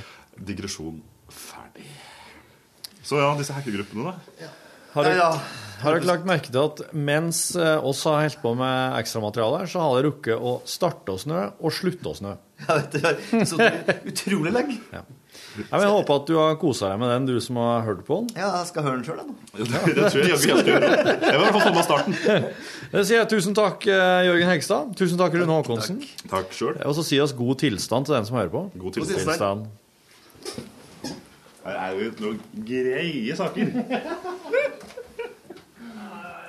Hør flere podkaster på nrk.no podkast.